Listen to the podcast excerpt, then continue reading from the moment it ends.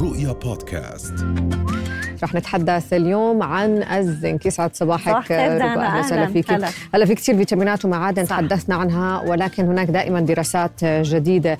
آه، نتحدث عن مفهوم الزنك وأهميته. ووظائفه الزنك من المعادن الكتير أساسية وخاصة آه، بآخر فترة مع كثرة ال- الإنفلونزا والأمراض معظم الأشخاص بيروحوا على الصيدلية بياخذوا مكملات ومرات أخذت المكملات هيك بدون انتباه ممكن يأثر على صحتنا. آه، بشيء بسيط إنه الناس اللي بياخذوا زنك بكميات كتير كبيرة على شكل مكملات من غير ما يكون عندهم نقص ومن غير انتباه ممكن يؤدي لفقر دم يعني ممكن يعمل لنا نقص حديد. آه ف- بيأثر على امتصاص الحديد. بالضبط. فإحنا لازم ننتبه شو نوع المكمل اللي بناخده ومع إيش عم ناخده. نعم. هلا هو الزنك كمعدن مهم جدا للجسم آه، وكتير ننتبه إنه أطفالنا خاصة عم بياخذوا الكميات الكافية من الأغذية اللي فيها زنك.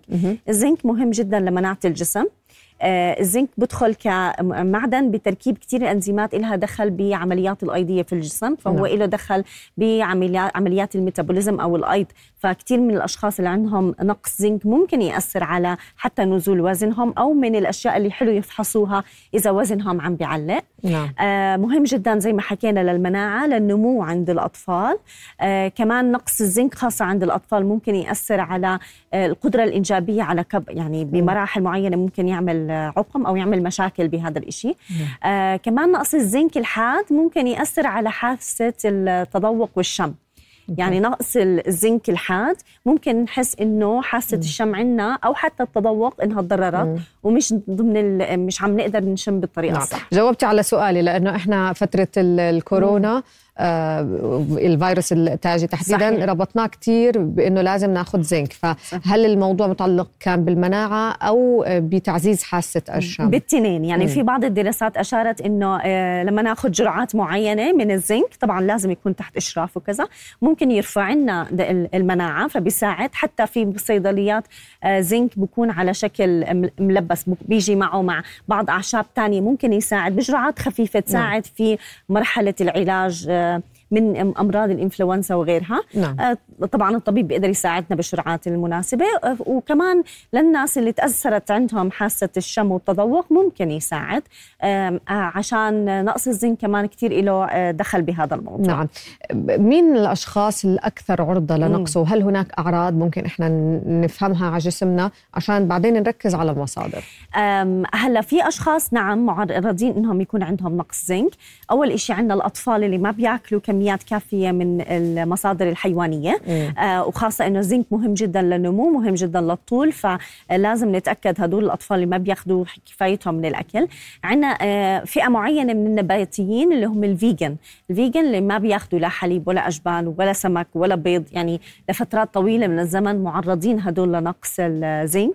عندنا الأشخاص اللي عندهم أمراض اللي بنسميها ال IBD اللي هي الأمراض اللي بتصيب القولون زي ال Crohn's آه أو ال- آه، الأمراض اللي زي الأمراض اللي- بعض الأمراض زي ال Crohn's اللي بتأثر على آه، الجهاز الهضمي هدول أو القولون العصبي ولا بس ال Crohn's؟ ال Crohn's اللي بصير عندنا التهابات دائما آه، بمنطقة. الجهاز الهضمي بالقولون وال ulcerative colitis مم. هدول المرضين معرضين الاشخاص إنه يكون عندهم نقص زنك آه، مرض السيلياك حساسية. القمح نعم هدول كمان لأنه آه، خاصة حساسية القمح الغير مكتشفة بصير في عندنا مشاكل بالأمعاء وقدرتها على امتصاص المعادن فهدول كمان آه، معرضين الحوامل والمرضعات هدول معرضين لنقص الزنك. نعم. آه، هدول الفئات لازم ينتبهوا إنه يفحصوا الزنك عندهم كمان ما ننسى إنه نقص الزنك بيعمل تكسر. بالأظافر والشعر حتى بيعمل آه، من أهم أعراضه بصير زي آه، شحطات بيض على الاظافر.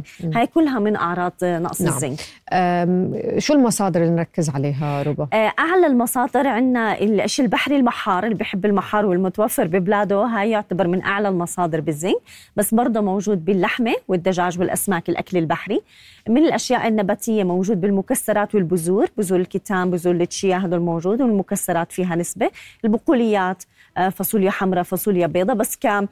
كامتصاص أكثر المصادر الحيوانيه كتير أعلى من المصادر النباتية بس مم. نقدر ندمج كلهم مع بعض عشان نحصل. حمراء نركز لحوم حمراء لا ال- اللحمه حمراء برضه السمك السمك فيها زنك والأسماك. سمك دجاج فيهم نعم. يعني قلت لك أعلى شيء من هدول كلهم عندنا المحار okay. بعدين بيجي عندنا اللحمة والدجاج والأسماك كبدة وما. كبدة بيكون كبدة كمان نسبة. الكبده الكبدة هي لأنها عبارة عن مخزن معادن وفيتامينات بالجسم أصلا م. فهي عالية جدا بفيتامين A عالية جدا بال B 12 عالية جدا بالحديد عالية جدا بالزنك بس. مشكلتها شوي بالكوليسترول نعم. فللناس اللي عندهم كوليسترول عالي بدهم ينتبهوا لقد إيه عم بياكلوا كميات كبدة وقد إيه عم بياكلوا خلال الأسبوع نعم. يعني هاي كمان بآخر دقيقة موضوع المكملات كيف نلجأ لها بطريقة زي ما حكيتي ما تأثر على مثلا امتصاص الحديد على سبيل المثال آه هلا أول شيء مكملات الزنك إذا عم ناخذ الجرعات العالية لأنه في جرعات عالية يفضل ما ناخذها بنفس الوقت مع آه، آه، حبوب مثلا زي آه، حديد. أوكي. هدول لازم يكونوا منفصلين مثلا الحديد بوجبه والزنك بوجبه ثانية هاي هاي أول نقطة. ثاني نقطة ما ناخذ عشوائيا مكملات الزنك من غير ما نتأكد إنه ما عندنا نقص. نقص مثلا. لأنه زي ما حكينا قلنا الزايد رح هو زي ما بس الزايد أخو الناقص ممكن يعمل لنا فقر دم أو نقص حديد وإحنا مش عارفين.